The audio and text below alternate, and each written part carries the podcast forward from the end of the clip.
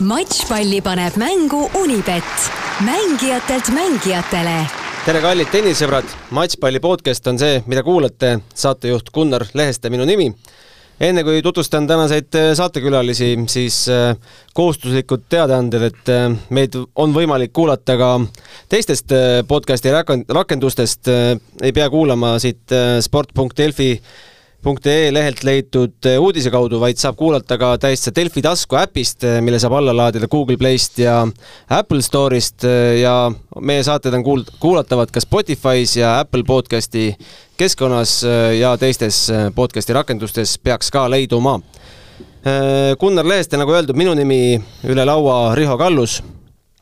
tere hommikust ja ilusat Eesti kirjanduse päeva ilusat Eesti kirjanduse päeva, ma ei teadnudki. jah, see on esimest korda peetakse täna siis sellist päeva just kuulsin siia tulles raadiost äh,. jõudsite tere... lipud üles panna hommikul äh, tere ka Toomas Kuum!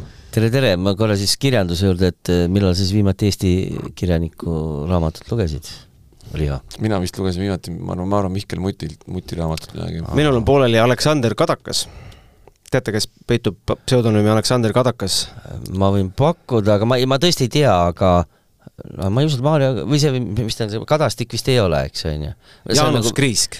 aa, Jaanus Kriisk okay., on kirjutanud äh, mõned raamatud vahel, annab mulle lugeda. okei okay., aga räägime Austraalian Openi tennisest, räägime ka äh, põgusalt võib-olla rannatennisest ja räägime ka eesootavast Davis Cupist.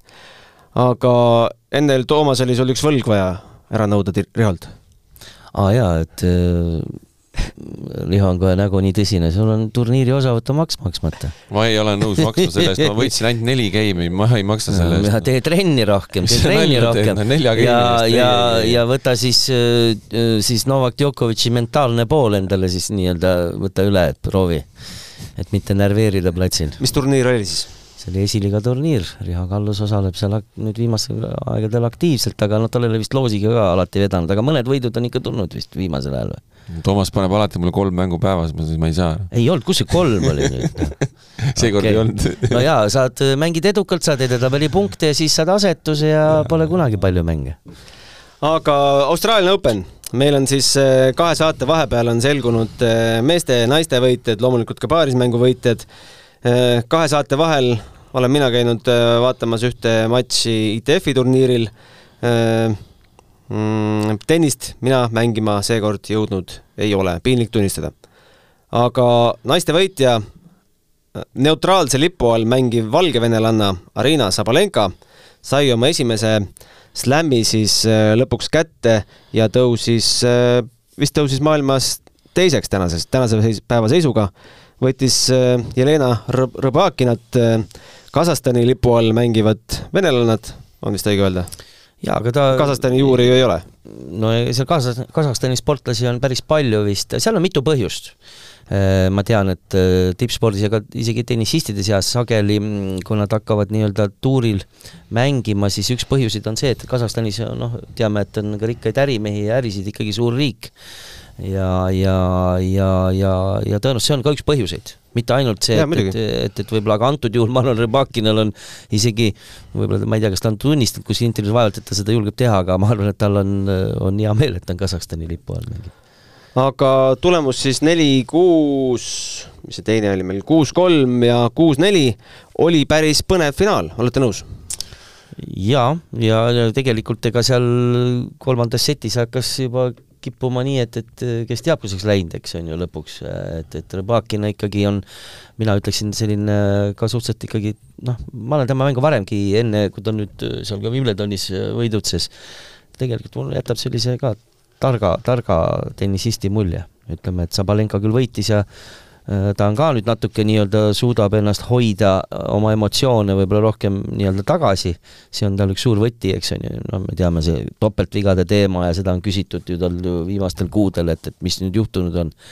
aga ikkagi seal on selline jõuline tennis, et igat palli lüüakse kohe, tahetakse praktiliselt punktiks lüüa, et, et selles mõttes ma ikkagi, ma näen nagu Rõbakina mängus sellist äh, muuseas, nii nagu ka Magda Linett, kes oli poolfinaalis, mulle just seal lihtsalt oli, Sabalenka lihtsalt tempoga üle aga ütleme, mulle meeldivad need mängijad, kes, kellel ma näen sellist ähm, noh, ega Sabalenkal on ka filosoofia kõik ära lüüa ja olla võimas ja tugev, aga just kes, kellel võib-olla on vaja kompenseerida mingeid elemente läbi selle, et, et, et nad mängivad targalt. seitseteist ässa ja viiskümmend üks äralööki, negatiivsel poolel siis seitse topeltviga ja kakskümmend kaheksa lihtviga. Riho, kuhu on kadunud Sabalenka lihtvead? No kõige võib-olla olulisem fakt on nüüd see, et eh, nüüd on alganud siis tennises eh, uus ajastu. et kui naiste võitja lööb juba teist servi kõvemini kui meeste võitja ja, ja lööb eeskätt ka kõvemini kui meeste võitja, siis eh, Prantsusmaa lahtistel on juba naised-mehed ühes tabelis ja ei ole mõtet enam eraldi hoida neid, tundub, et see jutt kindlasti meeldiks kellelegi. kusjuures, kusjuures see on tõsi, et Sabalenka teine serv, keskmine teine serv oli kõvem kui Novak Djokovicil keskmist servi lüüakse seal sada kuuskümmend kilomeetrit tunnis, pluss esimest servi saja kaheksakümnega, mõlemad, nii Rõbakina kui Sabalenka, et äh, seda võib-olla ütleks niimoodi, et see tase, mis oli praegu Austraalia lahtiste finaalis, sellist asja ei ole ammu naiste tennises olnud. ja, ja see on nüüd hoopis äh, noh, see on nüüd hoopis nagu next level, ma ütleks tegelikult. uus lehekülg. uus lehekülg naistetennises jah, et, et, et kui vaadata nagu seda, mismoodi, mismoodi mängisid nemad seal finaalis, et peale, peale finaalkohtumist arutasime ka siin kolleeg Toomas Leiusega just, et ja Toomas julges ka pakkuda, et et noh, antud hetkel need tüdrukud tegelikult mängivad paremat tennist kui maailma esireket ja, ja, ja, ja kui võrrelda ja paralleeli tõmmata ka Ashley Bartiga, et siis no ei Ashley Bartil ega ka Igas Sviantekil noh, pall niimoodi ei lenda nagu Rõbakina Sabalenka matšis kindlasti. seda küll, aga Bartil ei olnud seda vaja jah, okei. Okay.. Parti mängis, mina ütleksin, mina ütleksin, mängis sellist noh, ärgu keegi solvugu, ta mängis sellist äh, meestetennist. jah, natuke meestetennist, selles mõttes ma olen nõus, aga, aga no igal juhul ülikõrgetasemeline tennis oli, oli naiste turniiri finaalis ja finaali ikkagi jõudsid absoluutselt kindlasti kaks äh, parimat, selles ei ole üldse kahtlust no teel finaali, äh, olgu siis need nimed ka ette loetud, alistas Sabalenka Theresa Martinsova, meile endale tuttava siit Tallinna turniirilt, Shelby Rogers, Eliise Mertens, Belinda Bencic, samuti Tallinnas käinud, Donna Vekic, sama lugu, ja Magdalene, kes siis alistas, oli teises ringis Anett Kontavedi. Äh, Aneti ja Kaia mängudest me oleme juba, juba siin rääkinud, aga tagantjärgi mõeldes äh, kuidas teil on tunne, kuidas, kuidas eestlannade üsnagi varakult väljalangemine kogu selle turniiri jälgimist teie jaoks mõjutas? no ikka, ikka kuidagi mõjutab. mind, mind küll natuke mõjutab, aga, aga ma vaatan nagu nii-öelda by the match nii-öelda mängu, noh, et kui mingi mäng võib mind huvitada, muidugi siin Austraalia lahtistega on alati see ajaline nüanss, et ütleme, et me küll ka siin saadetes käimise, no okei okay,, eestlannade mängu nagunii vaatame, eks on ju, aga, aga, aga see natuke lööb selle päevarütmi sassi, natuke sõltub sellest ka. aga eks seal mingi, mingisugune väike faktor on, aga muidugi otsustavaid mänge vaatad sõltumata sellest, et võib-olla jooksvalt siis noh, lihtsalt vaatad rohkem tulemusi või kokkuvõtteid äh, turniirist. öösiti üleval vist ei ole pärast? ei no ikkagi jah, ikkagi ei ole, et äh, uni on ka oluline. ma ühel ööl ärkasin Äh, see oli Jelena Ostapenko ja Rõbakina veerandfinaal, äh, mis lõppes küll kahjuks äh, jõle kiiresti, kuus-kaks, kuus-neli, Rõbakina selle võitis ja siis kaks valgevenelannat pärast seda pidi Rõbakina alistama, või tähendab, pidi alistama, aga teist ei alistanud. Viktoria Azarenka poolfinaalis ja finaalis Sabalenka. Riho, sa olid mõnel ööl veel üleval peale, peale Aneti kaotust? Äh, jah, ikka olin, äh, aga kui, kui sa rääkisid siin, mainisid Azarenkat ja, ja, ja Magdalinetti, siis äh, no huvitav paralleel ja selles mõttes ma arvan, et täpselt enne, enne turniiri, kui vaadata, aga siis võis arvata, et Rõbakin ja Zabalenka võivad sinna lõpuni jõuda võis arvata ka, et Tsitsipas Djokovic jõuavad lõppu, aga no ülejäänud kaks poolfinalisti nii meestel kui naistel ikkagi no päris suured üllatused, võiks öelda, et et äh, Magdalineti ehm, ehm, mäng äh, tegelikult jättis sellise no kuidas öelda, ta, ta mängib sellist passiiv-agressiivset tennist ja ta, suudab kuidagi väga mõnusa, õige rütmi ja dünaamikaga tegelikult ka, tegelikult ka see viimane matš, mis tal oli, oli äh, Sabalenkaga matš, oli selline, et, et mulle tegelikult väga-väga meeldis see, kuidas ta seal, kuidas ta leidis sellise, ta ei, ta ei lasknud isegi Sabalenkal äh, initsiatiivi liigselt võtta, et ta, ta, ta, ta ja, ja, ja noh, see, et Anett talle kaotas, noh, Aneti puhul ikkagi ikkagi tahaks öelda, et natukene lihtsalt, midagi, midagi ei ole suures plaanis katki, mängupraktikat on nagu vähe ja, ja, ja, ja need, ja need mängud tegelikult, kõik need mängud, ta on ju sellel hooajal nüüd neli matši mänginud, ühe võidu saavutanud, et tegelikult kõik need viimased, viimased kaks kaotust, nii Badosa kui ka Lineti vastu olid äh, olid matšid, kus Anett justkui juba on saavutanud sellise momentumi või sellise momendi, kus ta, kus ta võiks nagu minna, aga, aga siis tulevad sellised õnnetud, õnnetud vead sisse, mis, mis on nagu mängupraktika küsimus pigem. ma olen nõus jaa, et, et ütleme, on näiteks Linetiga ka oli tunne, et et nüüd ta vist ikkagi võtab ära. just, täpselt, mul oli ka sama ja, ja Padosaga oli ka sama asi. ja, ja siis nagu justkui järsku libiseb see ära, et, et ja, ja, ja, ja tegelikult mitte ainult nagu vastase esituse tõttu alati, et, et nagu enda vead pigem. natukene jah, et, et ütleme, aga see, ma olen nõus sinuga, et tõenäoliselt siin on need no seal on ka objektiivseid põhjuseid. aga ma korra veel Magdaleni Neti,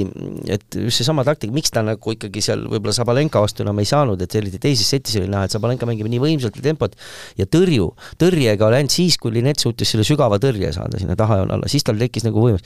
muidu ta mängibki niimoodi, et ta tegelikult justkui no selle löögi pikkusega jah, tal õnnestub vahest sügav tõrje teha, aga ta nagu paneb selle pigem palli mängu, ta on valmis jääma alguses ka surve alla ja seesama, mis sa mainisid sisuliselt, Riho, et ta nagu tuleb sealt nagu välja, leiab selle koha, momendi pallivahetuses ja, ja, ja, ja võtab aktiivsuse või noh, initsiatiivi enda, enda kätte.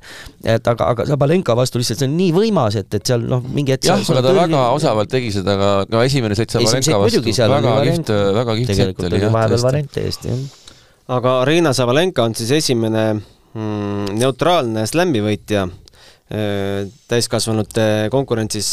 neutraalse slam'i võitja saime ka juba varem tegelikult äh, tüdrukute äh, finaalist, Alina Kornejeva oma debüüdil tuli siis slam'i võitjaks, aga küsiti siis Sabalenkalt ka selle kohta, et selle lipu, liputeema ja sõjateema kohta ütles Arina, et mul pole mingit vahet, kõik teavad nagunii, et ma olen Valgevene mängija.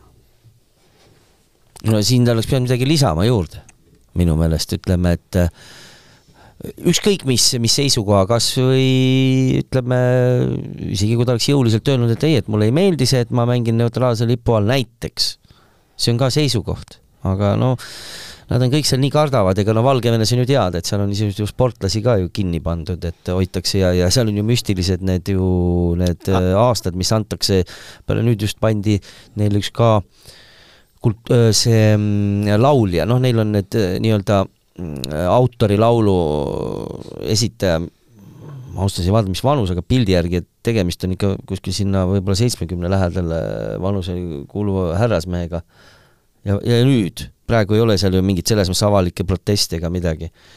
pandi ka nii-öelda, üritatakse vangi panna, et noh, see on nagu müstika ja eks nad kardavad, ma jälle tulen tagasi selleni, neil on noh, ütleme niimoodi, nad teenivad hästi, neil ei oleks mingi küsimus elada, ma saan aru, ei, ei taheta Arina nagu, elabki Miami's. no sisuliselt elabki jah, et, et, et no ma ei tea, nojah, seal võib olla see teema jälle sugulased ja, ja et kui sa võtad mingi statement'i konkreetse, aga mulle tundub, et ega, ega me ei tea, mis seal sees toimub. selle ütles välja meie laskesuusa peatreener Fjodor Svoboda, et yeah. ma sellepärast ei, ei võta sõna, et et esiteks mul on sugulased Valgevenes ja teiseks võib-olla ma kunagi tulevikus tahan veel Venemaale tööle minna. no aga ta ütles välja vähemalt seda ja,. ma ütlen, et isegi ütleme, ütleme, kui sa ütled selle välja, siis see on ka mingi seisukoht, aga see, et oled nagu äh, kuidas öeldakse, peidad ennast urgu ja, ja neil on tennisistidel on nii-öelda vedanud ju tegelikult, et nad saavad ju mängida.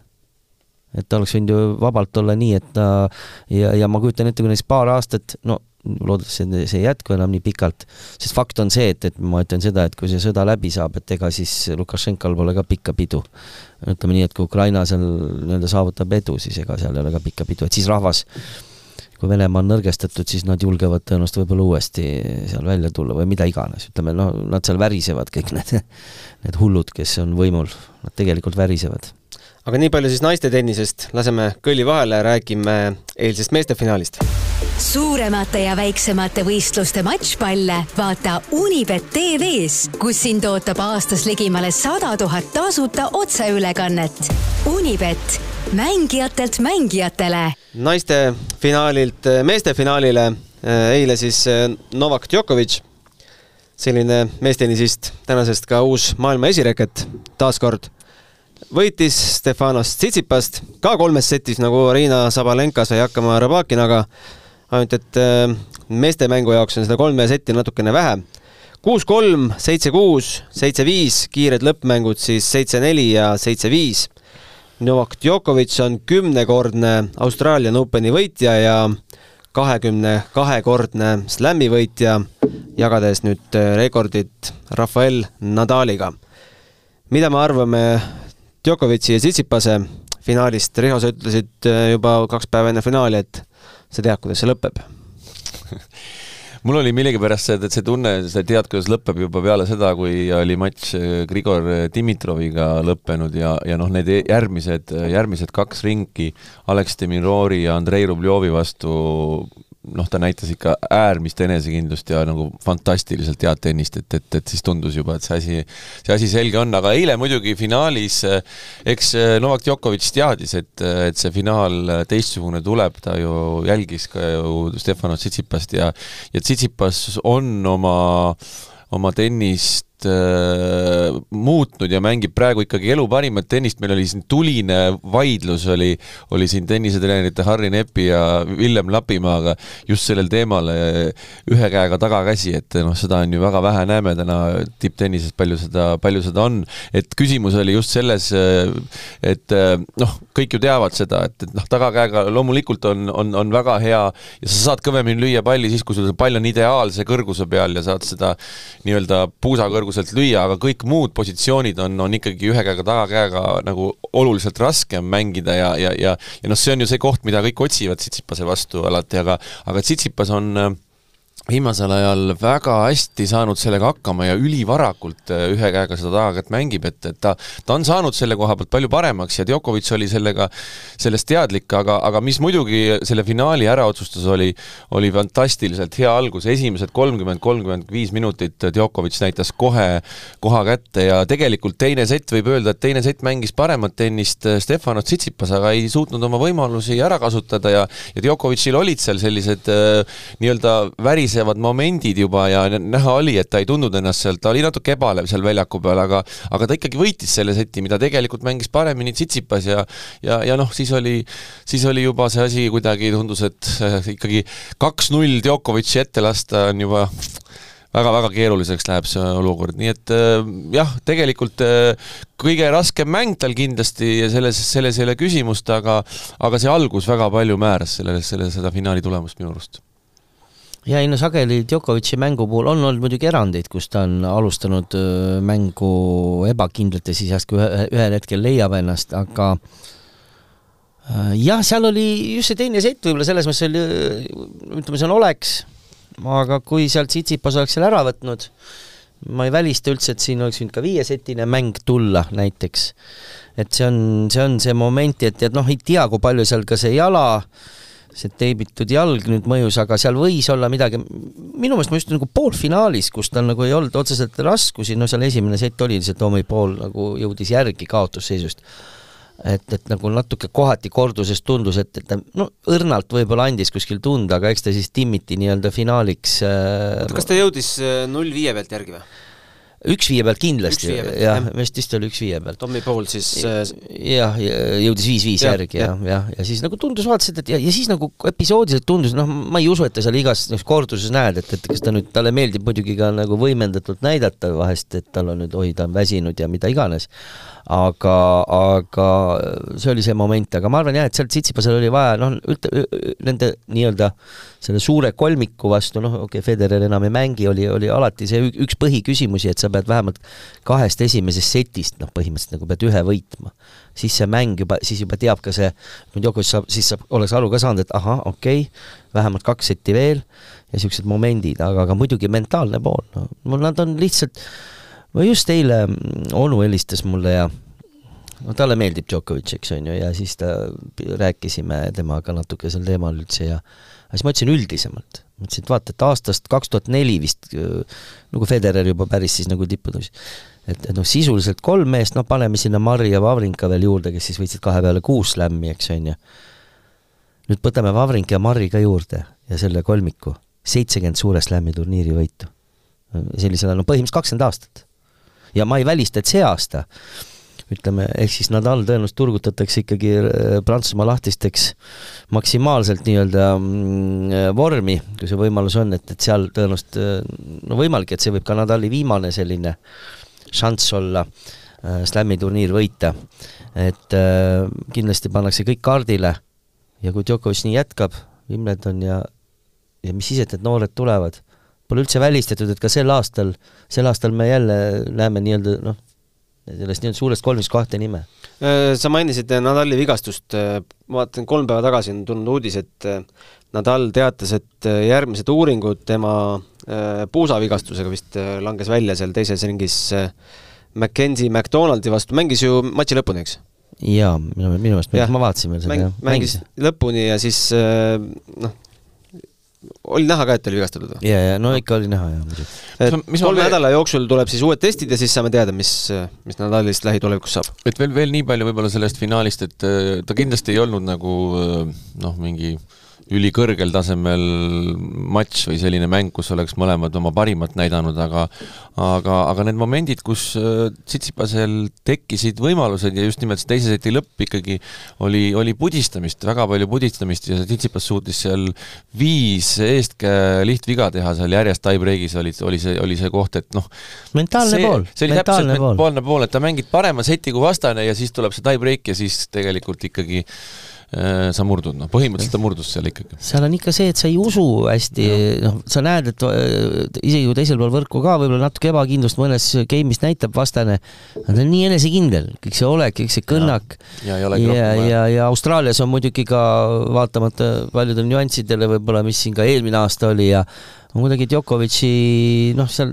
ta saab vist kõige rohkem tuge ka vist publiku poolt minu meelest. Djokovic või? ma ei tea, kas Tsitsipasel mul tundus nagu valjum see jaa, aga no ma ei, ei tea, kas no see, no see on, see, see, see ei ole midagi imelikku, aga ma ütlen üldiselt, et kui sa võtad, et kus ta nagu mängib, siis, siis et noh, Austraalia on tema nii-öelda see põhi, põhiturniir siis nii-öelda. ma ei tea, kas sellist asja üldse on, on kunagi varem äh, tennises ja Grand Slamidel olnud, et Rod, Rod Laver Arena mahutab viisteist tuhat pealtvaatajat mm -hmm. ja eile oli Melbourne pargis nelikümmend viis tuhat inimest et, et see oli ikkagi meeletu Wimbledonis meele... ikkagi on ka väga populaarne seal mäe peal vaadata, aga, aga noh, viiskümmend tuhat inimest oli põhimõtteliselt sinna ei mahu, Wimbledonis nii palju ei mahu. et kogu nii-öelda territooriumil oli nelikümmend viis tuhat äh, pealtvaatajat. rekordiline publik üldse kogu turniiri peal. et, et fantastiline publik ja noh, loomulikult rääkides ikkagi ja nüüd noh, pea, see selline reaktsioon, mis oli Novak Djokovicil peale seda matši, eks nägite, kui ta läks sinna oma boksi ja kukkus sinna pikali ja seal lihtsalt nuttis, et kui nüüd nagu ja pingi natuke, peal ka veel hästi nuttis. jah, ja kui nüüd natuke nagu ajas tagasi kerida ja mõelda, et, et noh, ütleme siis alates sellest momendist, kui ta püüdis seda kuldset slämmi ja Medvedjevile kaotas ja nüüd noh, vaadata nüüd kogu seda nagu aastat, siis see on, see on ju tegelikult see, see, see on, see on täiesti uskumatu. mees on saanud viimase kaheteist kuu jooksul mängida üksteist turniiri ta läks eelmine aasta Austraaliasse, sinna teda ei lastud, eks ju, siis ta mängib Wimbledoni, Wimbledonis ta ei saa punkte, siis teda ei lasta Ameerika lahtistele ja, ja nüüd ta võidab Austraalia lahtised tõuseb maailma esireketiks. üksteist turniiri on mänginud kaheteist kuu jooksul, no seda ikka annab ikka järgi teha. et no seal ei ole midagi öelda. aga nopib nendega nii palju punkte, et täiesti uskumatu et ta on ikka tipus. väga hea, et sa selle, need pisarad siia mängu tõid, kuulasin hommikul siia tulles ühte rahvusvahelist podcast'i, seal arutati, et mis võis olla nende pisarate taga, noh, üks asi on, et eelmine aasta sisse ei lastud või sisse lasti, aga mängima ei lastud. teine asi, vigastus, mis teibitud jalg ja kõik need jutud ja kolmas asi ikkagi, mis toimus viimastel päevadel isa ümber. ja sellest võime kohe pikemalt rääkida, aga, aga visati õhku ka selline, et kas on äkki midagi veel, mida me ei tea, mis ta võis nii emotsionaalseks teha? seal võib ka olla kindlasti ka seesama, seesama lugu, et äh, kui oli, oli, oli moment äh, äh moment äh, Danil Medvedjeviga see finaal ja kui ta, kui ta hakkas võib-olla jõudma sinna kõige aegade kõige rohkem Grand Slam'e võit, võitnud mängija staatusesse ja, ja siis, siis hakkasid ju tulema tal need mustad uudised järjest, järjest, järjest, et, et, et noh, võib-olla ka see pinge vabanemine kindlasti üks oluline faktor. võib täiesti olla, et sa nagu said, esiteks sa said nii-öelda ühele pulgale ja no temale on see nagu elu eesmärk ja no ma usun, noh, mitte usun, vaid ma olen peaaegu kindel, et ta muidugi selle eesmärgi suure tõenäosusega täidab, et, et ta võtab veel mõne slam'i turniiri võidu ja, ja, ja tõesti seal on, kui muid turniire ka juurde panna, vaata, ma mõtlen Masters turniirid ja kõik, et ta vist nende näitajate poolest on, on, on nagu kõige edukam. noh, olümpiakuld tal puudub individuaalne nii, või üldse puudub kuld, Federeril tegelikult paarismängu kuld on olemas, aga vot mis on tegelikult huvitav, kui korra neid turniiride nendega ajalugu vaadata, tõesti, et Rafael Nadal pole kordagi võitnud seda aastalõputurniiri, noh, okei okay,, see ei ole nüüd noh, seda ei saa slam'i turniiridega üldse võrreldada, võrreldavasse mm, kategooriasse panna, aga me seda teemat oleme mingil määral eelmistes podcastis ka arutanud, et kokkuvõttes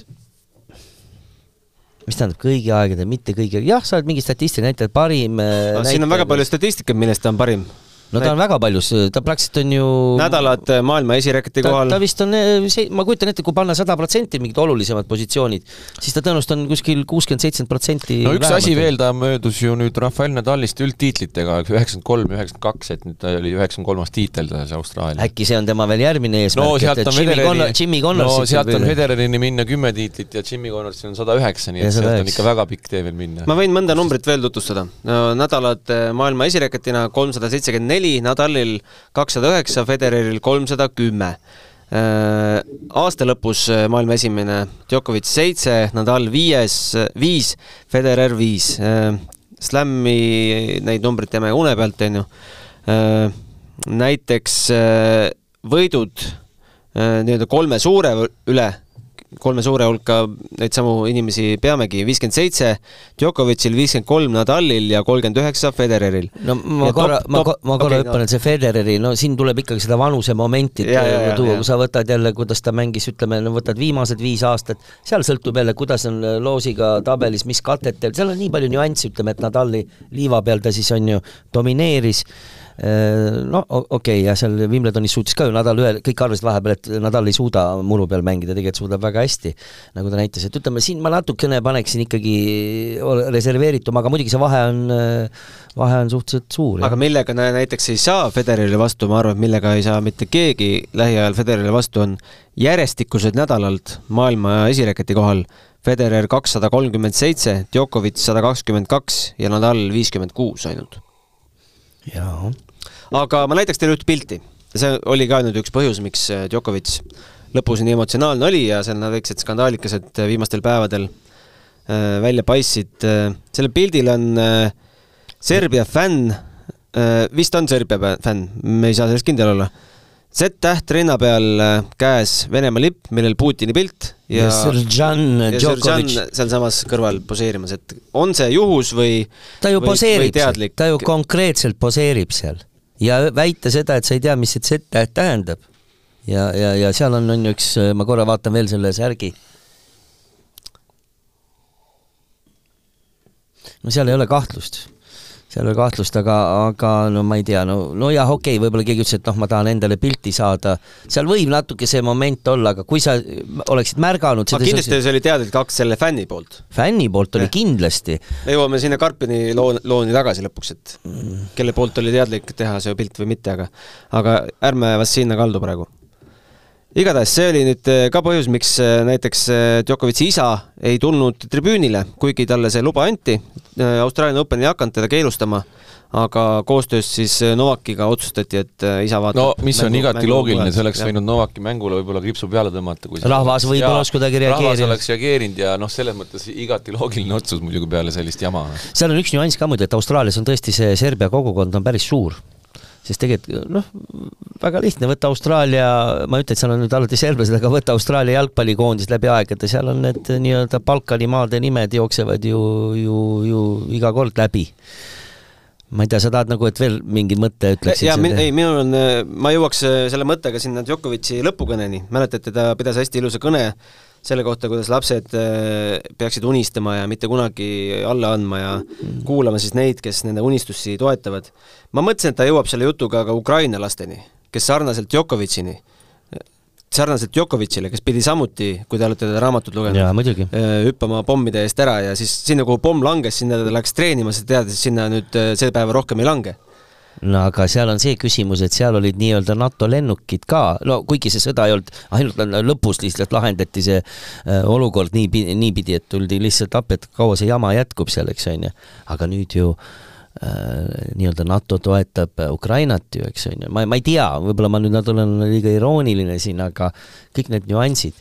ei, ma arvan, et see on täitsa seotud. jaa, see on seotud. igatahes ta ei jõudnud Ukraina lasteni oma kõnes no ütleme, ma siin jõuan ühte asja, ma ei ütle, et iga sportlane, iga inimene peab kogu aeg ühest küljest kogu aeg seda nii-öelda ähm, noh, nagu seda Ukraina teemat võib-olla käsitlema.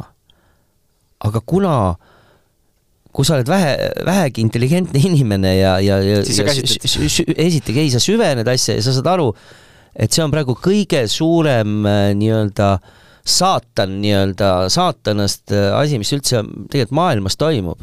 Ja see on tegelikult ohtlik selles mõttes, et kui, kui praegu seal sellist vastupanu poleks, ma, ma ei välista, et ma ei tea, siit aknast välja vaadates võib-olla siia, ma ei tea, raketti lendaks, aga aga kõik see, see on tegelikult, see on, see on, see on, see on, see on kohutav. et noh, ei ole võimalik, et sa nagu ei võta, inimesed ei, ei julge võtta seisukohta või vähemalt või, või, või ei käsitle seda teemat. sest sellega, äh, kui mida rohkem seda nii-öelda seda mm, seisukohavõttu tuleks ja, ja, ja, ja räägitakse, et, et noh, nii ei saa, et see on, see on, see on kohutav, siis tegelikult see ka soodustab, et see asi lõpeb tegelikult. aga kusjuures selle mm, selle kõne ajal mul endale just tuli nagu, või ma mõtlesin, et huvitav, kui palju on sealt sellised asjad nagu läbi käinud ja mis jällegi teistpidi on nagu võib-olla noh, tänast konteksti arvestades ka nagu paralleeli tõmmata, et ju teame ju, mis ju toimus ju üheksakümmend üks kuni üheksakümmend viis Serbia ja Horvaatia vahel, eks ju, ja, ja Djokovicil istub ju boksis ju Goran Ivaniševitš, et, et et see on nagu tegelikult jällegi nagu noh, teistpidi näitab nagu seda, et noh, kuulge, kõik tahavad elada, on ju, et kõik tahavad ju normaalselt olla, et, et, et huvitav, palju nendel on seda omavahel sellist teemat seal üldse käsitlenud või, või läbi käinud, et oota, aga kas Djokovic'i oota, kas ema või seal on, kas seal ei ole ka mingid Horvaatia Horvaatia juured või? jah no,, ei tea, ei, seal võib isegi olla, ma võin äkki eksida, aga sa kontrolli, Gunnar. Diana Djokovic mm,, abikaasa Sõrdan, lapsed äh, Novak, Georgia ja Marko, lapselapsed Stefan Tara, aga küsi-, ah, mida Google'is inimesed on küsinud kõige rohkem, kas Djokovic'i ema on horvaat? Äh, Serbo-horvaat või? Äh, vastus on, et ta on sündinud ah,, Novak on ise sündinud ju Belgradis, aga kus ta ema on sündinud äh,. Äh, väiksed Horvaatia juured on jah, kaks nooremat et jah, jah, jah, jah. no okei okay., me ütleme niimoodi, et ega ei tasu, minu arust kokkuvõttes õige number üks on see, et kes on inimene. selles mõttes, et oled sa prantslane, oled sa eestlane või oled sa tegelikult kokkuvõttes ka venelane, et ei ole, noh, tegelikult ei, noh, selles mõttes vahe on, et selge, et see kuskil alateadlikul on sul mingi kultuuri äh, nii-öelda mingi nüansid ja, ja, ja, ja inimesed räägivad erinevat keelt, mentaalsus on erinev, see on selge, et oled sa Vahemereäärne rahvus või, või põhjamaine, need nüansid on, aga kokkuvõttes on tähtis, et sa oled inimene, et sa jääd inimeseks eks, see on number üks. Aga, aga need, kes liiga fokusseeruvad, ütleme, see rahvus, rahvuse tunne on hea, kui noh, ta siin nagu aitab sul identiteet, see on hästi oluline, aga aga need, kes jälle liiga palju rõhutavad seda sageli, võib sageli olla see, et seal on ikka peas, peas on mingi, mingi segadus, noh. Ja serblased, noh, ma ei taha nagu öelda, aga nendel on kuidagi see, see, see tunne on neil eriti tugev, et neil on ja noh, Balkani nii palju lõpetades, et ega see Balkan on eluaeg olnud äh, selline sega, segaste, segastel aegadel veel eriti noh, kuidagi on pildil ja praegu üritatakse ka seda ju tegelikult jälle tõmmata nii-öelda väl-, noh, teatud jõudude poolt, et, et seal tekiks mingi segadus, et mingi kolle võiks olla seal. aga minnes tagasi konkreetselt tennise juurde, siis kas me julgeme ennustada, mis hakkab saama veel sel aastal, nüüd äh, kaks meest on kahekümne kahe peal, French Open, kas paneme juba rahvale ära või? kas Riho ütleb, ma ütlen, et ei, ei, mitte seda, ta kindlasti üritab seda, aga et ei, aga, aga ma korra, ma tegelikult, ma, ma juba natuke rääkisin seda teemat, aga et võib-olla Riho siis täiendab, et, et ma arvan, et kui midagi juhtub vigast, siis ma ei välista seda, et see aasta ei saa keegi nooremast põlvkonnast ei saa slam'i võita. noh, jällegi, võtame siis eel, eelmise, eelmise hooaja tegelikult, et et me nägime küll uut, uut Grand Slami võitjat, on ju, aga tuletame meelde, et nüansid. teatud nüansid, eks ju, üks mees oli katki, teine mees ei saanud osaleda ja, ja sealt see tuli, eks ju, et noh, tegelikult päris mustvalge see ei ole, Austraalias samamoodi ju tegelikult jälle, Djokovic ei mänginud, eks ju, ja ja noh, kõik oleks võinud võib-olla olla teist, teistmoodi, et seda, seda nagu me ei, me ei tea, aga, aga mis midagi pole öelda. ja tegelikult kolmkümmend viis pluss mehed ju teine kolmkümmend viis pluss mees ju samamoodi, kunstpuusaga mees, eks ju, nad on ju, Andy Murray ja Novak Djokovic on äh, nädal aega on neil vanusevahe, Murray on, äh, on vist äh, viisteist detsember, viisteist mai ja kakskümmend kaks mai on sünnipäevad. et, et noh, see, mis Andy Murray ju samamoodi tegi seal ju ja mängib viiest parem matše Berettini ja Kokinakisega, millised matšid tõmbas välja Andy Murray, nii et seda meest ei saa ka maha kanda. aga kaotatud mäng oli kaotatud mit, mäng oli oli, oli ka ju mitu setti seal. kellele ta kaotas seal peale seda Kokinakist, aga need kaks matši olid ikka uskumatud. kohe ütlen. oli ka viis setti või? jaa, muidugi, tal oli kaks ei, see oli neli seksi. see oli vähe vist jah. Bautista Agut. jah, Bautista Agut. aga seal oli vist kiire lõpp. ma pean ütlema, seda mängu kiire lõppmäng oli teise setis. seda mängu ma ei näinud jah, aga ma just mõtlen, et Kokinakise ja Berettini võidud Marril ka, et, et noh, ikka uskumatu mees tegelikult. jaa, Wimbledoniks võib-olla suudab ennast jah, täpselt, äh, täpselt. ütleme nii, et tal on võib-olla raske natuke tervet seda turniiri nii-öelda, vot see seitse mängu, kui lähed pikaks mängud, et see, see puusade teema jah, see on, see on, aga, aga, aga, aga nad on müstilised vennad, ma ütlen, müstilised. Berrettiniga mul tuli meelde, et äh, äh, te olete näinud Netflixi sarja? Breakpoint. ei, ei ole, ole, aga see, ma tean, et see on neli, neli osa vist on ja, ilmunud, jah. ja kõik, kes äh, seal äh, nendes neljas osas on nii-öelda staarid olnud, äh, ega neil pikkapidi Austraalias ei olnud. nimetatakse Netflixi needuseks seda. jah, aga, aga Austraalias ju väga palju räägiti ju, väga palju räägiti nendest Dunlopi pallidest ja kõik ju kes vaatas, jälgis ka seda Cube'i nii-öelda saadet, on ju, seal oli väga palju juttu sellest, et kui see pall purgist välja võeti, isegi kui seda palli, isegi kui selle palliga ei mängitud, et ta natuke nagu läks justkui suuremaks ja mängiti mõned pallivahetused ära, juba ta oli karvane ja suurem. ehk siis ja praktiliselt kõik need mehed, praktiliselt kõik need mehed, kes on, Ruud ja kõik jah, need mehed, kes tõmbavad korralikult topsi, ja nendel meestel ei, ei, ei, ei õnnestunud kuhugi jõuda, no Norri on üks niisugune mees, Ruud on üks mees, siis oli loomulikult Nadal üks selline mees.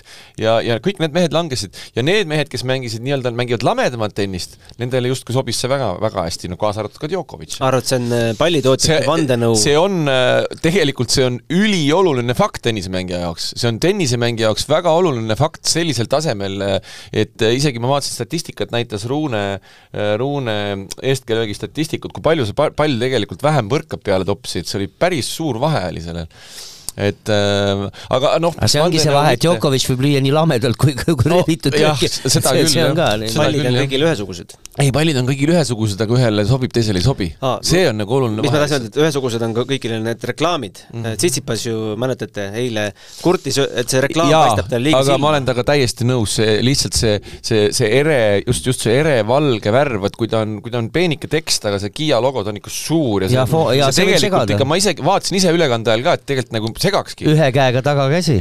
No, kus on palli tabamine ja palli tabamine eriti ja tal on just põhiline see, et ta ei saa sellele alati keskkohaga pihta. Et. Ma, ma korra selle Netflixile ütlen, äh, laskesuusatamine praktiliselt terve, ei, ei terve eelmine aasta, ma usun, nad teevad kindlasti, sest et see on ikka praegu on ikka, noh, me teame, ma arvan, me, me kõik ikka, kui vahest võim-, võimalus on, siis me vaatame.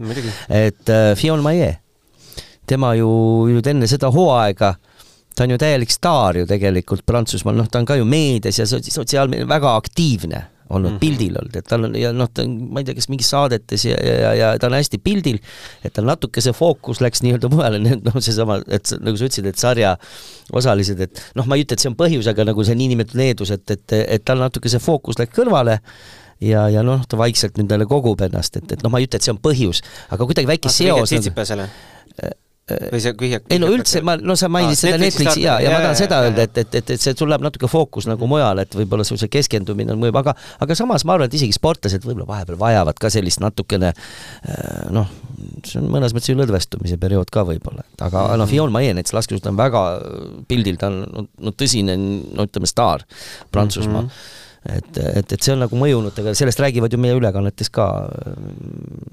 Margus Ader, keda ma tunnen ja, ja nad ju on seda ka vist maininud, seda momenti, et, et võib-olla siis see nagu, no vist ise äkki on öelnud isegi prantslased Äh, kui tohib, ma tahaks veel äh, lisada seda, et äh, kaks võib-olla sellist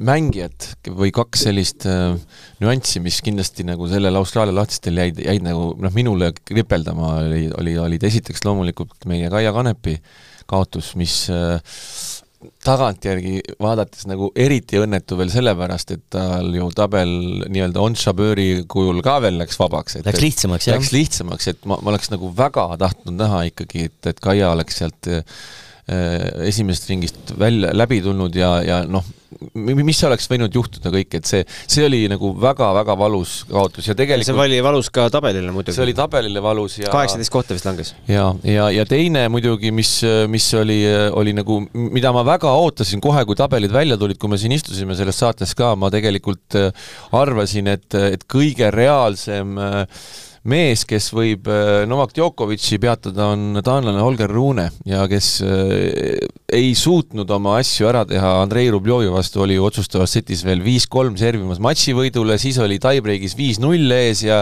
ja nii edasi, edasi, aga aga suutiski viie-kolme pealt kaotas nulliga oma servi, kõik lihtsalt eestkäev-jaategi järjest. ja ütleme, et varakult langes Tyler Fritz jah, ja, ja mina ise pakkusin ju, et ja, ja. ja see oli eriti üllatav tegelikult, et vaatad, milline ameeriklaste punt tuli tegelikult sinna neljandasse ringi ja. ja Taylor Fritz oli see kõige paremas vormis just nendest, aga Fritz nii õnnetult Popirini vastu langes välja. ja siis, siis jõuab hoopis veerandfinaali selline mees, kes teeb endale passi selleks, et Ameerikasse minna, jõuab esimest korda üldse, mängib välismaal, Ben Shelton pole elu sees Ameerikast väljas käinud ja mängib Grand Slami finaalis. no, no me jõuame jälle selleni, et, et, et vaata, me teame seda, et Äh, USA-s ja, ja näiteks ka Prantsusmaal, neil on, neil on oma see sise, see elu nii-öelda selle ala sees on niivõrd tihe, et Prantsusmaal ma tean täpselt, et paljud äh, see info on noh, ka koha peal on rääkinud, et nad vaatavad, et okei okay,, see tuuril käimine, kui ma seal päris tipus ei ole, aga mis ma vaevan, ma mängin oma neid sisemisi turniire, ma teenin seal nädalavahetusel tuhat, tuhat viissada eurot mingi turniiriga ära, mul ei ole kulusid, ma teen tööd et, et mul on palju kasulikum see, selle asemel, et siis nii-öelda, no võib-olla seal on ka see, et, et kas on taustal nii palju, kuna seal on noh, kultuur on nii kõrge, see alakultuur, et, et jõuda mingite suurte toetajateni on keeruline, ja USA-s on ka ju, ütleme, tudengitennis on hästi arenenud ja mõned, nad ei tahagi mööda maailma rännata, et see on ka üks, üks momente, aga nad võivad aeg-ajalt siis niimoodi tulistada nii-öelda. Aga tulistame natukene ka Eestile lähemale. Äh, Oliver Ojakäär osales ka äh, Australian Openil ja jõudis äh, kolmandasse ringi oma slam'i debüüdil äh, minu arust äh, plaksutamisväärt. tundub, et koostöö Kennet Raismaaga ka. Ja, ja, ja, ja, ja jällegi, et kui me nüüd, kui me nüüd vaatame seda, et äh, tihtipeale ei teata nende, nende juunioride tegemisi nii hästi, kui jälgitakse ikkagi nagu suurt tennist, aga aga noh, viimane juunior, kes Eesti tennisistidest Grand Slamidel osales, oli Danil Klinka ja see oli minu teada Wimbledonis vist äh, ma pa, kolm aastat tagasi, kolm aastat tagasi äkki või. nii et tegelikult neid, äh, neid mängijaid, kes meil on ikkagi jõudnud Grand Slamile, need on kõik väga suured nimed ja see on, see on ikka väga-väga suur saavutus, kui äh, eestlane jõuab, jõuab Grand Slamile välja, nii et, et, et noh, ja veel mitte ainult lihtsalt jõuab välja, vaid ta võidab matše. oota, aga Lajal? ei, oli osalenud ainult paaris mängus ainult vist eelmine aasta. jah, no ja. vähemalt ikkagi paarismängus oli osa. jah, jah, paarismängus jah osales jah. nii et, et see saavutus muidugi on, on fantastiline. oota ja..., ei, osales üksmängus ka. minus ka üksmängus, ma praegu mõtlen, et siis me ikka eksime jah, Lajal oli ka ja, ja, ma, ma sellepärast jäingi korra mitte, et ma ei ja, ja, ja äkki, äkki oli, äkki tegelikult minu meelest ei olnud Klinka viimane. Lajal ja Lajalist eelmine oli lihtsalt Lajal on keskendunud suhteliselt äh, kohe ikkagi nagu meeste, meeste, meeste tuuri, et see, et see, see küsimus ongi, kus, kus see fookus on, et väga paljud ju mängijad ju tegelikult, kes on ka hiljem tipus olnud, pole juunioride klassis eriti Lajal on osalenud siis kaks tuhat kakskümmend üks äh, Frenchil, Wimbledonil ja US Openil. no vot, kolmel turniiril ju. jah. et ma, ma hakkasin no, jah, kahtlema, kus see võimalik on, et tõele minna. aga võime nüüd tulla Lajali juurde. Äh, Lajal kahjuks ei saa meid aidata ja Maikal mm, see oli näha, see Davis video on isegi sellest ju, kuidas ta minu meelest kuskil on läbi jooksnud, kus tal see jalaga. kas ta pani enda sotsiaalmeediasse või? Noh, kuskil ma nägin seda hetke, aga ma, ma tõesti mäletan, ma, ma, ja võimalik, et on olnud, aga, aga noh, õnneks ta vist ikkagi nüüd hakkab Parem. välja tulema, jah ja. aga seal oli huvitav, Ojager mängis, mängis paaris mängus, nad jõudsid, mängisid sellise ja. mehe vastu nagu Aleksander Ploks ja see Aleksander Bloks oli täiesti uskumatu, kuidas ta võitis üksikmänguturniiril, mis tulemused, kui vaadata neid seise, no ikka niimoodi, et kaks setti kõigile. et see on üks huvitav nimi ja nad kaotasid selle paarismängu otsustavas tie-break'is et, et, et, et see noh, tegelikult ega need mängijad, kes seal äh, noorte Grand Slamil ikkagi lõpuni jõuavad, mängivad kõik ju mehi juba ja nendel on kõigil juba ATP rankingud. aga ei pruugi kuskile väga jõuda. Monfils, äh, prantslane, võitis vist äh, juunioride klassis kõik slamid ühel aastal, no kuigi okei okay,, ta on olnud ka seal suhteliselt päris absoluutse tipu lähedal. aga noh. aga, aga see mingi näite on, aga, aga, aga millegipärast tulevad just sealt ikkagi kes nagu hakkavad varem nagu meeste seas tege-, tegutsema, nad ei, nad ei keskendu niivõrd sellele noh, ütleme juunioride slam'i võidule võib-olla, et, et kui võidetakse seal kuueteistaastaselt, võib-olla hästi noorelt mm, -hmm siis juba minnakse nii-öelda, eesmärgid on suuremad. aga no mis on nagu ülipositiivne ja meiesuguse väikse riigi jaoks nagu noh, väga oluline, kui meil on kaks head mängijat. Davis Cupi seisukohalt tulevikus Oliver ja, Oliver ja Mark hakkavad nagu mõlemad mängima ikkagi nagu noh, tipptasemel tennist, siis on nagu meil Davis Cupis päris hea punt. ütle mulle, vaata, kas sul ei ole tunne, et, et no ma ei, ma ei saa nüüd öelda, et aga seal on mingisugune see mängustiilis või selles ma näen mingit sarnasust isegi natukene, et Oliveril ja Margil või? jah no Oliver on äh,, Oliver on nagu tohutult tugev ja suur ja hästi võimas. et, äh, et äh, võib-olla, võib-olla mis, mis nagu mulle, mida ma, ma vaatasin teda vist kahte mängu, et, et natuke võib, noh, ta on, eks ta on noorem veel kui Mark, on ju, et mulle, mulle Margi puhul väga meeldis Davis Cupil ka, mulle meeldib see, kuidas Mark läheb punkte ise lahendama. jaa, mitmekülgsust võib-olla. jaa, mitmekülgsus ja ta läheb ja ta läheb ja astub väljakus sisse läheb, klaarib ise ära. et võib-olla Oliveril seda poolt veel noh, nii-öelda natukene lihvib ja alles jõuab sinna, et aga ma valida. vaatangi niimoodi perspektiivis, perspektiivis, aga, aga natuke nagu see liikumine on ja, siin midagi muidu on, muidu on sarnane, et tal on ikka tohutult võimad, tal on relvad, tal on ikka serv, eeskäsi on ikka relvad. et nüüd on nagu, nüüd on küsimus see, et kuidas sa hakkad neid otsuseid tegema, et millal sa lähed ja, ja et kuidas sa klaarid ja kuidas need punktid nagu lühemalt ära saad mängida, et noh, see kõik tuleb kogemusega kindlasti e. aga väga-väga võimas mängumees on. kuna sa tahad just Davis Cupist rääkida, siis rääkida jah, teate, et tuleb, tuleb Davis Cup?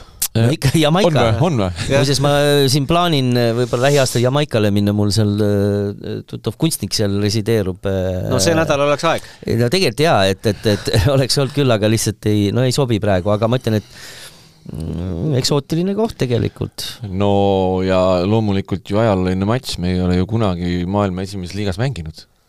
Äh, see on maailmaliiga teise grupi matš et see, kui me, kui me võidame selle matši. kui me võidame, jah, jah, jah. kui me võidame selle matši, siis me oleme esimeses ju. Äh, vaata, ma olen, ma tean, et see esireket, mul nimi ei tule meelde, ta on vist kaheksasada millegagi. oot, vabandust, see on ju play-off, see ei ole teise liiga matš, teise liiga matši mängisime ära, see on ju play-off üleminek esimesse on see. Ants kirjutab, et teise grupi matš kohaliku koondisega. ei, see peaks olema play-off äh, esimesse ikka ma ei tea, ma arvan, et see, see küll, küll tuleb see nädal ka pressiteade, kui me sealt loeme. tähtis on võita mäng, et see on number üks aga Jamaica esireket on Blaze Bicknell ja ATP seitse kuus neli. oli tol hetkel, kui Ants selle uudise tegi, jah. ta on natuke tõusnud jälle, aga kes seal teine reket võib olla? Äh, äh, siin ei ole seda välja toodud no siis on jah, selles mõttes on, on kahju natuke, et, et, et, et Mark ei saa mängida, et ütleme see, sest muideks minu arust Mark noorte või klassis, juuniorklassis käis sealkandis, Kariibi mere saarte turniiridel käis, et tal on tegelikult see no ütleme niimoodi, see õhustik või, või see, see kliima ja kõik on talle nagu tuttav. et, et seda ma mäletan, et ta mängis oli seal ka Dominikaanis ja, ja, ja kus ta seal käis, ikka käis mängimas, nii et um, see on natuke, noh, mis natuke on ikka kahju, aga, aga muidugi üks huvitav nüanss, kas platsile läheb Jürgen Zopp? võiks ju. võiks, miks mitte? meil mängivad siis, olgu ära öeldud, Kristjan Tamm, Kennet Raismaa, Oliver Ojakäär, Johannes Seemann ja Jürgen Zopp. aga Jürgen ja Kennet vist ju siin Tallinnas mängisid paari, eks? jaa, Kennet mängis, mängis väga kihvti paarismängu, mäletan siin Tallinnas ja mulle tundub see, et, et kui ta nagu otseselt tuuril ei ole, noh, mängib mõnel turniiril kaasa võib-olla Kennet, et tegelikult kui Kennetil ei ole seda pinget peal, siis äh, pole mingi küsimus, et ta võib oma parimat äh, tennist näidata. Füüsi-, noh, kuna ta on ju Oliveriga tõenäoliselt kindlasti mängivad ka omavahel sparringut ja, ja, ja ma usun, tal on see vorm on hea ja ta on nii-öelda seal tuuril sees ikkagi. muidugi üks asi, mida tasuks Kennetilt küsida ükskord võib-olla mõne saate et Kennet ja Oliver lubasid tulla, kui nad on Eestis. nii et nüüd... olgu see välja öeldud, et Kennetil, sul, sul ei ole enam tagasiteed. aga küsi kindlasti, et vaata, seal on ju Tsitsipas, ütleme, Šapo-, noh, Šapovalov ja kõik need mängijad, siis Ožeral ja Sim, ma mõtlen, kes olid ju selles kuul-, noh, tuntud see kuulsusrikas mm -hmm. Wimbledoni juunioride finaalis, et noh, ma usun, nad ikka suhtlevad. et tegelikult midagi se-, seda poolt ka uurin natukene, et, et Kindlasti. kui palju, äkki Oliver on saanud Kennetile need sparrid Tsitsipase küsimustest on juba mitte kõrini, vaid silmini no mõnes mõttes küll, aga just, et, et äkki on Oliver saanud äh, kellegiga sparrida näiteks. miks mitte? Mm, miks mitte. aga räägime rannatennisest ka, kaks sõna. Toimus siis äh, turniiri nimi oli BT viiskümmend Tagaväli Open üks. millal Tagaväli Open kaks tuleb siis? või Tallinna Open, Tagaväli Tallinna Open üks? jaa, no tegelikult oli kaks turniiri, aga see esimene oli natukene nõrgema koosseisuga, aga jah, see oli ITF-i turniir äh,. nii palju ma ei saa vekslit välja käia, aga ma nagu sain aru, et märtsi lõpus võib isegi midagi tulla. et selline, selline jutt oli kas see oli nüüd kõige, kõige kõrgematasemelisem? jaa, tundub, jaa, ma saan, jaa, jaa, et ta tegelikult, ütleme, tegelikult ta vastab nii-öelda rannatennise ITF-i turniiridel noh, palju suurema auhinnafondiga turniirile, kui ta oli. et vist oli neli tuhat praegu, aga tegelikult noh, nii-öelda tasemelt. ja ma ütlen ausalt, et jälle ei taha siin teha nii-öelda naiste paarismäng, noh, paarismängu mängitakse rannatennises, et ütleme, olid ka huvitavad mängud, aga see meeste, itaallased siis, olid mm -hmm. siin, domineerisid väga äge oli. see on, see on, see on ka müstika, kuidas seal reageeritakse, kuidas ja, ja taktikamäng, tegelikult ütleme äh,, rannatennis äh, on ka näiteks ütleme, see Läti-Leedu paar, no lätlane, nad olid esimese asetusega, mängisid itaallaste vastu, need võitjad, Meneguolo, Kaspari vist mm -hmm.. kusjuures see Kasparil on, ma nüüd ei tea, kes see sugulane on, on seal maailma täitsa täielik tipp, et seal on mingi suguvõsas on need Kasparid on rannatennisistid. mis nad tegid? Seal on noh, nagu seal no natuke sulgpalli sarnane, et seal võrgu lähedal need võrgu taha lüüakse ja tu-, et nad tõmbasid tempo alla. Ja, ja, ja, ja tõmbasid tempo alla, noored mängumehed muideks vist kahe, üheksateist ja kaheksateist või midagi sellist.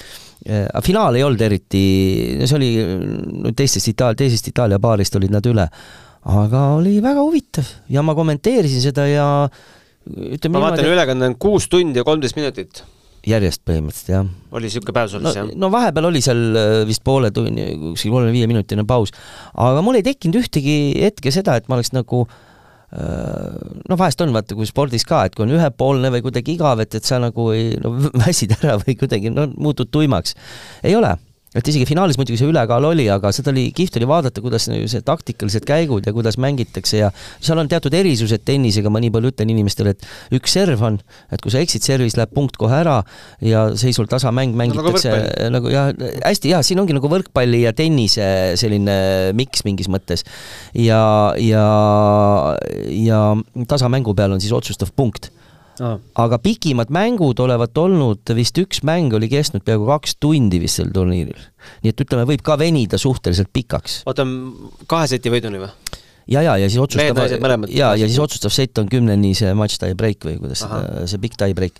et selles mõttes ja, ja, ja mis on huvitav seal, ma ei tea, kuidas nüüd päris kõvematel turniiridel on, aga, aga nad ju ise loevad punkte vähemalt sel turniiril ja, ja ma ei, no paar korda mõni krimpsutas natuke. tabloo ikka on see on ainult game'ide ah, tabloo okay. mm, -hmm. mida ausalt mõnes mängus mängijad pidid ise nii-öelda seisu panema, sa mõnel mängus unustasid seda teha ja aga no õnneks meil konkreetselt see mäng, mis me üle kandsime, seal oli nagu seis oli ekraanil. aga jah, ma piilusin seal nagu naiste poolfinaal, ma pidin natuke ennustama, jälgima, et kes siis tegelikult juhib. et, ähm, et aga ma ütlen, et see oli nagu huvitav, ise loevad, ma ei näinud eriti mingisuguseid selliseid, no kuidagi nagu see olek on natuke chill im, et, et noh, ma ei tea, kui palju seal teeseldakse või mitte, aga me-, meeste mängus oli natuke tõsisem see selline mm, õhustik, et ütleme, naeratati nagu vähem, aga naiste paaris mängus oli selline chill olek, nad seal patsutasid, naised vaatasid, seis on niivõrd oluline, et mingi oluline game on tulnud, kuidagi selline mm, mõnus olemine, et see on ka teistmoodi niisugune kas publikut ka oli, ma, ma ei mõtle neid, kes on tuttavad ja sõbrad ja on, on justkui nagu kohustus, kohustuslikud tulema, aga ma arvan, tänavalt või nii-öelda inimesi või noh, noh, mitte halvas mõttes tänavalt, eks on ju, neid vist ei olnud väga palju, aga vot see hajus ka, seal on ju tegelikult kuus väljakut, eks on ju, tõenäoliselt ikkagi põhiliselt olid need inimesed, kes siis on kuidagi seotud, seotud, kas siis sugulased või fännid ja aga täiesti okei okay., täiesti okei okay. muidugi ta, see võib-olla natuke mõjub selles mõttes, et ta on ikkagi ägedam, kui sa mängid nii-öelda rannas kuskil kus on tribüün suvisel ajal ja päike paistab ja et selles mõttes või ma, ma usun, et kui seesama turniir sellise koosseisuga oleks olnud, noh, ma ei tea, seal näiteks Pärnu rannas, siis oleks, ma usun, oleks seda nii-öelda muud publikut ka. on, mida vaadata tegelikult, taset on, on väga huvitav.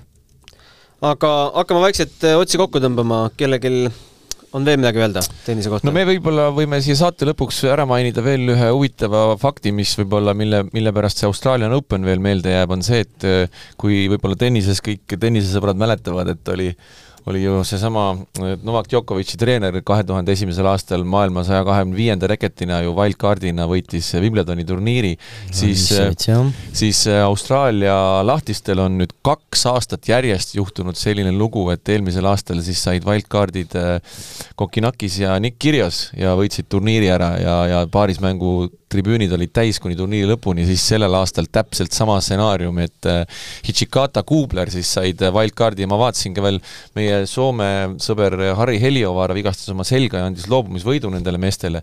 ja mehed võitsid turniiri ära, nii et kaks aastat järjest suutsid siis paaris mängu võita wildcardid ja, ja naistel loomulikult ikka veel Krejtšikova, Sinjakova valitsevad siin on võib-olla mõni küsib Nishikata, et Jaapani nimi, aga me teame, et Austraalias on Hichikata. Hichikata, vabandust, jah, Nishikata on ka olemas, et ma nüüd eksisin. aga seal on ju ka päris suur äh, jaapanlaste kogukond ja noh, eks seal üks põhipõhjuseid tõenäoliselt on seesama Teine maailmasõda, et ütleme, seal selle järgne mingi periood, ütleme, aga et, et, et et see on jah huvitav, et, et kui sa vaatad mõnel riigil, et, et äh, sellised nimed, äh, et, et ärge imestage, jah, et Austraalia paar. minul meenus veel üks fakt Djokovicist. täna hommikul kuulsin just sellest samast podcastist, mida kuulasin. et äh, ma ei tea, kas te teadsite, et äh, Djokovic on nendest suurest kolmikust ainus, kes pole ühtegi slämmi võitnud äh, niimoodi, et ta setti ei kaotaks. ka sellel turniiril kaotas ta ühe seti, kellele? viktoriini küsimus. no see oli seal uh,, issand, aa, Djokovic kaotas seti kaotas ühe seti. ja, ja kaotas küll, ma mäletan, see mäng, oh issand jumal, mul ei tule see nimi meelde Üt.... Enzo Kokod Prantsuse tennisist, ATP sada seitsekümmend kaks. turniiri alguses seal no kohe, see on tüüpiline tal ka, see, ta nagu tal ei ole kunagi niimoodi jah, selliseid asju. lammutanud pole ühtegi korda. nojah, aga seal, ma, ma arvan, et ma arvan, vot, vot see on üks statistika, kus nagu nendes suures kolmikus on üks mees on teistest kõvasti parem, noh, et see, me teame, kes see mees on, kes suutis, suutis võita ikka Grand Slami niimoodi, et oli väljakul olnud ikka väga minimaalselt seal.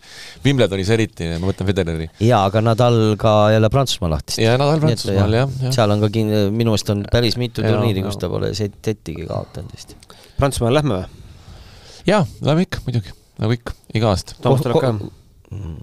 Ma ei tea, pole üldse paha mõte, lähme kohvikutes, seal saab, ehk saab ka käia.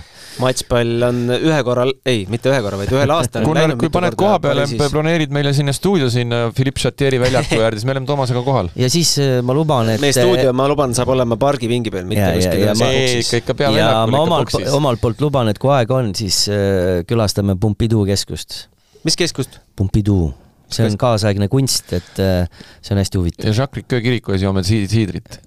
Jaa, kindlasti ja. kõlab hästi, aga aitäh kuulamast, meil on võimalik ka küsimusi saata, ma ei tea, üks, selle saate ajaloo jooksul võib-olla üks küsimus on tulnud, aga tennis.delfi.ee, julgelt saatke meile teemamõtteid, küsimusi, ettepanekuid, lihtsalt tagasisidet võtame vastu. ja järgmise korrani, aitäh, Riho, aitäh, Toomas! väga meeldiv. aitäh! aitäh kuulamast! matšpalli pani mängu Unibet, mängijatelt mängijatele